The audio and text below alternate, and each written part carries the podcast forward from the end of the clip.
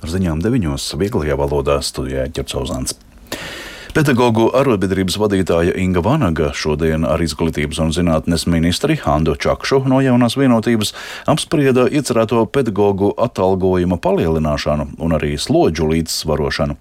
Kā ziņo izglītības un zinātnes ministrija, vienošanās dokuments ir gandrīz jau pabeigts. Rīt sarunas vēl turpināsies. Daugopils Universitātes senāts no padomes locekļa amata pēc paša lūguma atbrīvojas par krāpšanu aizdomās turēto Jāni Kudiņu. Rektoras vietnieka atbilstību padomes locekļa amatam iepriekš aicināja izvērtēt gan padomes vadītājs, gan izglītības un zinātnes ministrija. Kudiņa atbrīvošana pamatot ar labas pārvaldības principiem un Eiropas prokuratūras ierosināta krimināla procesa ietekmi uz augstskolas tēlu. Izglītības un zinātnes ministrija lūdza skatīt arī finanšu un uzskaitas daļas vadītājas Ritas Balters atbilstību padomus locekļu amatam. Universitātes senāts nolēms, ka to nav bijis pamats izvērtēt. Kudiņu tur aizdomās par Eiropas Savienības fondu naudas iespējamu izkrāpšanu.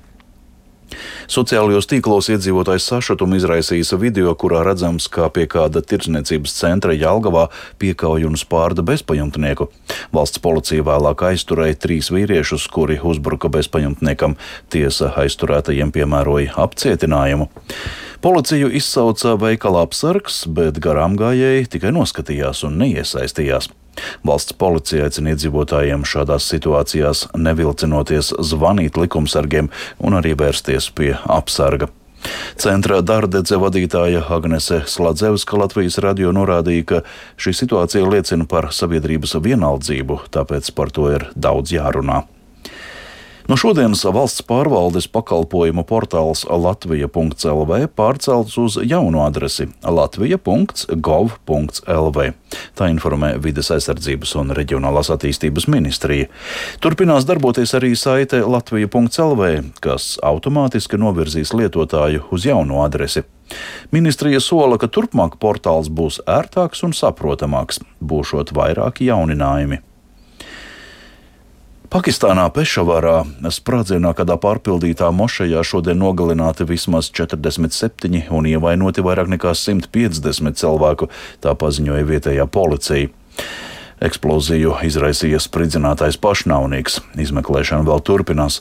Sprādziens notika pēcpusdienas lūkšanu laikā. Lielākā daļa nogalināto un ievainoto ir policisti. Armēnija šodien vērsusies ar lūgumu starptautiskajā tiesā Hāgā, aicinot to panākt, ka Azerbaidžāna izbeidz Kalnu Karabahas blokādi. Tas liedz veikt piegādes uz šo reģionu.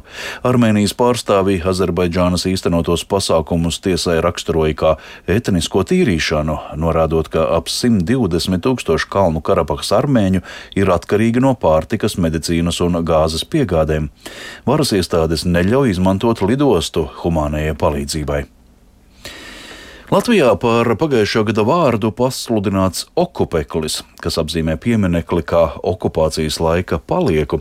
Tā šodien paziņoja aptaujas gada vārds, nevārds un spārnotais teiciens rīkotāji.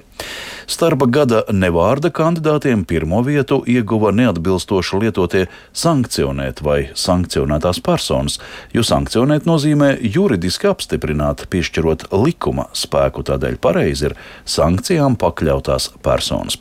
Un par gada spārnoto teicienu aptaujas žūrija atzinusi redaktore Artur Hansona Twitterī pausto, ka, lai Krievijai būtu nākotne, to vajag izputināt ar lielo P. Bet par gada savārstījumu atzīts boksera Maira Brieža aicinājums - laiks piecelties un iztaisnot savas saliektās galvas.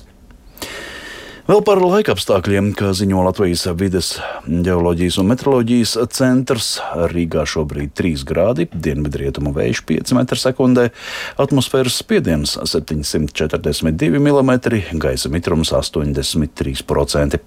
Nakts Latvijā būs pārsvarā mākoņaina, rīt no rīta vietām rietumos skaidrosies. Rietumpusē naktī lietus un slapjš sniegs, austrumos slapjš sniegs un sniegs, ceļu vietām slideni. Brāzmainas dienvidrietumu vējš vēlāk pakāpeniski iegriezīsies no ziemeļrietumiem. Gaisa temperatūra - mīnus 1,3 grādi. Rītdienā mākoņdienas laiks vietām skaidrosies, austrumos dažviet neliels sniegs, slapjš sniegs 1 līdz 3 grādi. Izskan ziņas vieglajā valodā.